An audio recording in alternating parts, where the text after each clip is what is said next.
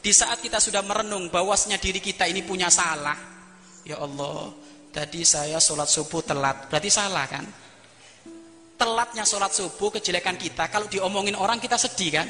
Ya kan gitu Bapak Ibu.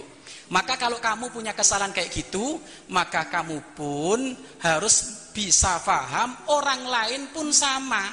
Dia itu melakukan kesalahan itu karena kelemahan, karena kelemahannya. Yang kamu juga punya kelemahan, punya kesalahan, kesalahan. Maka nggak perlu digun gunjing kenapa? Karena ini sama-sama. Kita manusia pasti banyak sah banyak salah. Maka kelemahan seseorang di saat dia melanggar Allah karena nggak bisa dia menahan hawa nafsunya maka itu juga kamu punya kelemahan itu.